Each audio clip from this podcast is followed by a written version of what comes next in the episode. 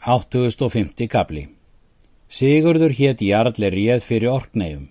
Hann var Hlöðviðsson, Þorfinnssonar Hausakljúfs, Torf Einarssonar, Röggvaldssonar Jarls af Mæri, Eisteinssonar Glumru. Kári var hirmaður Sigurðar Jarls og hafði tekið skatt af söðuregjum af Gilla Jarli. Býður hann þá Njálssoni fara með sér til Hrossegjar og sagði að Jarl myndi vel við þeim taka. Þeir þáu það og fóru með Kára og komu til Hrossegjar. Kári fylgir þeim á fundi Jarls og sagði hverjir menn þeir voru. Hversu komu þeir? sagði Jarl. Á þinn fund? Ég fann þá, segir Kári.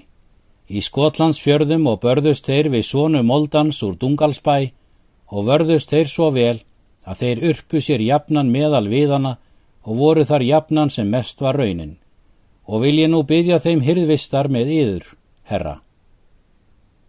Því skalt þú ráða, segir Jarl. Tekist hefur þú svo mikið á hendur við þá áður.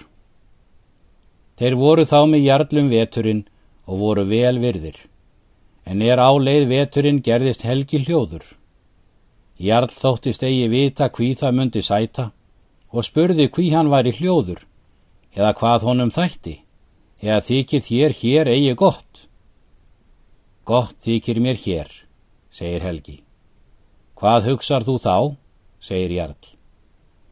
Egið þér nokkurs ríkis að gæta á Skotlandi, segir Helgi. Svo mun oss þykja, segir Jarl. Eða hvað er að því? Helgi svarar. Skotar munu hafa tekið síslumann yðvarna lífi og tekið njósnir allar að engar skildu ganga meiga yfir Pettlands fjörð. Jarl mælti. Er þú forspár maður? Helgi svarar. Lít er það reynd. Auka skal ég sæmt þína, segir Jarl, ef þetta er svo. Ella mun þér gjald að verða. Ekki er hann þess áttar maður, segir Kári, og mun hann satt til segja, því að fadir hans er forspár. Síðan sendi Jarl menn söður til ströymjar, arljóti síslumanni sínum.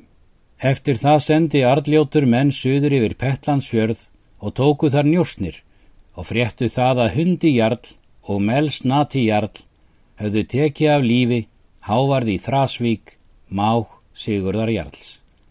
Sendi þá Arljótur orð Sigurði jarli að hann skildi koma suður með lið mikill og reka jarla þessa af ríkinu en þegar er jarl spurði þetta dró hann hér saman um allar eigjar.